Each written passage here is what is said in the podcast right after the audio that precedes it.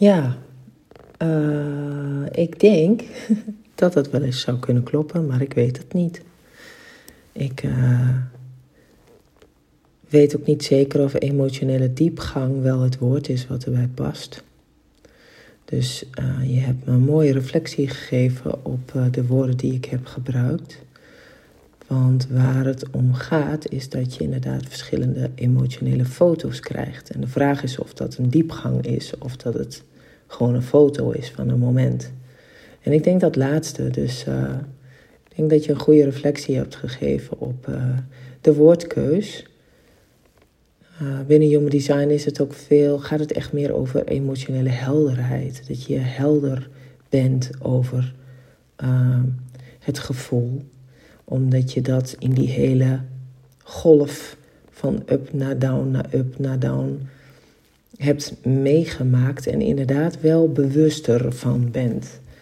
Uh, dus het is denk ik meer bewustzijn of bewust ergens van zijn qua gevoel en helderheid hebben over iets dan dat het diepgang is. Want diepgang zit ook gewoon in een design, dat is de well. En dat is echt de diepgang die gaat over, uh, nou ja, uh, ja, zoals het woord bedoeld is, diepgang. Diepgang in het verzamelen van allerlei feiten, waardoor je steeds meer over iets komt te weten. En waardoor je patronen zou kunnen herkennen. In die soort van diepgang is het, zeg maar. Maar dat is de emotionele golf niet, want die is ervaringsgericht. Dus dat is echt heel wat anders. Emotionele golf is puur op beleving. En diepgang gaat over feiten. En over het verzamelen van allerlei feiten die samen een bron van informatie kunnen verschaffen uh, over iets. Dus er zit inderdaad heel veel verschil tussen. En er, je, kunt dus in, je kunt dus denk ik ook niet spreken van emotionele diepgang.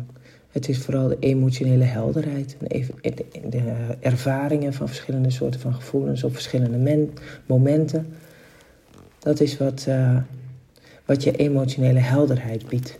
Nou, nu denk ik wel dat ik voldoende voel en gevoeld heb dat dit iets is wat voor mij bedoeld is. En emotioneel eh, helder ben je, uh, nou, over het algemeen tot 80%. Er blijft altijd 20% wat onzeker is. En dat is omdat het gewoon ervaringen zijn. Het is ervaringsgericht.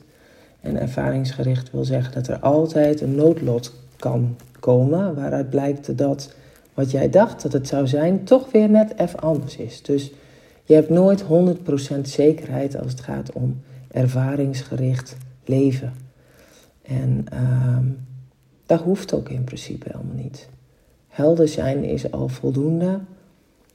En dat vraagt dus tijd.